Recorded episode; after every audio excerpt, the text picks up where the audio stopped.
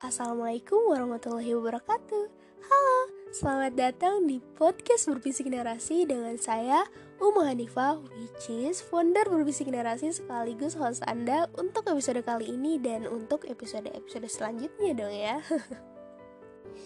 Nah, di episode kedua ini aku mau ngebahas tentang people pleaser.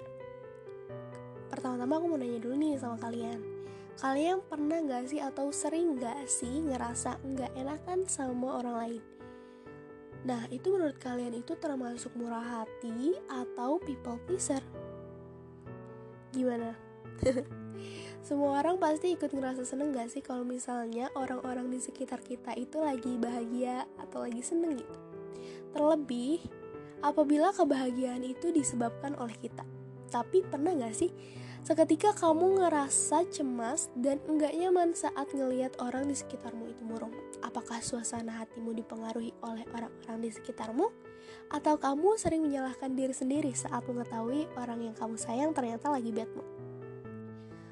Hmm, apabila ciri-ciri yang tadi itu menggambarkan situasimu sekarang, bisa jadi kalian merupakan people pleaser loh. Lah, emangnya kenapa sih kalau aku people pleaser? Toh selama tidak ada yang terugikan, kenapa enggak? Eits, jangan salah ya teman-teman. People pleaser bukan merupakan pujian maupun sifat yang baik bagi kamu ataupun orang sekitarmu. Kok bisa? Nah, setelah yang tadi aku udah jelasin ya, mungkin kalian berpikir bahwa itu merupakan sifat dan perilaku yang biasa dilakukan oleh orang baik atau murah hati. Jadi, Pertama-tama kita bedakan dulu yuk, apa sih sebenarnya bedanya murah hati sama people pleaser? Walaupun terlihat sangat susah untuk dibedakan, namun apabila dilihat dari tujuan awalnya, maka akan didapati bahwa seseorang yang murah hati melakukan sesuatu didasari oleh rasa gembira dan ketulusan. Sedangkan people pleaser melakukan suatu hal karena adanya kebutuhan akan sebuah approval dari orang lain dan rendahnya kepercayaan diri. Nah, sekarang kita telah dulu nih, mengapa menjadi people pleaser bisa berpengaruh buruk bagi diri sendiri maupun orang di sekitarnya. Faktanya nih, seorang people pleaser memiliki kemungkinan lebih tinggi dalam bekerja di bawah tekanan. Karena sifatnya yang nggak enakan, mereka akan lebih memilih untuk bersikap seakan-akan mereka setuju dengan pendapat orang lain daripada menyuarakan pendapatnya sendiri.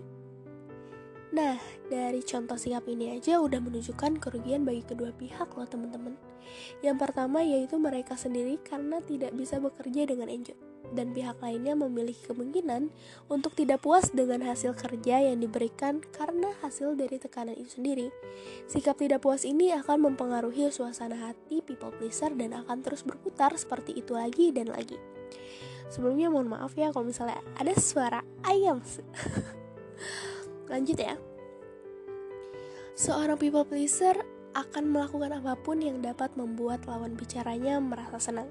Bahkan, apabila itu adalah membuat janji yang tidak bisa ia penuhi.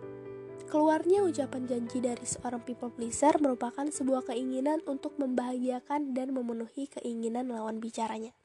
Setelah berjanji, apakah nanti mereka akan menepatinya atau malah mengingkarinya adalah urusan belakang. Terus gimana ya caranya supaya kita berhenti menjadi seorang people pleaser? Yang paling utama yaitu perlahan coba percaya akan dirimu sendiri.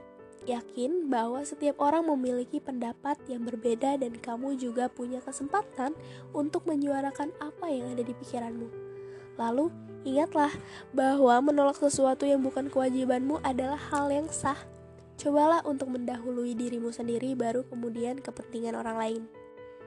Dan jika kita berani menolak dan berani bersuara, orang di sekitar kita juga pasti akan memahami selama alasanmu itu jelas dan sesuai. Bila kita selalu mengikuti kemauan orang lain tanpa memikirkan suara hati kecil, bisa jadi kita tidak mendapatkan kebahagiaan sejati. Orang akan menganggap remeh usahamu bahkan tidak menghargai usahamu. Untuk itu, mulailah mencoba menyuarakan keinginanmu kita juga perlu membuat batasan-batasan dalam hidup kita agar tidak mudah dimanfaatkan oleh orang lain karena kebaikan yang kita miliki. Wajar rasanya jika orang tua kita sering mengingatkan untuk teguh pada prinsip kita. Dengan memiliki prinsip, kita jadi memiliki batasan yang jelas dan mampu menentukan tujuan hidup. setidaknya yakin pada pilihan hidup sendiri. Kita juga jadi bisa melindungi diri dari orang-orang yang iri terhadap kita. Karena tidak semua orang baik mendapat balasan kebaikan. Demikian untuk episode 2 ini, saya Umu Hanifah. Sampai jumpa di episode-episode selanjutnya.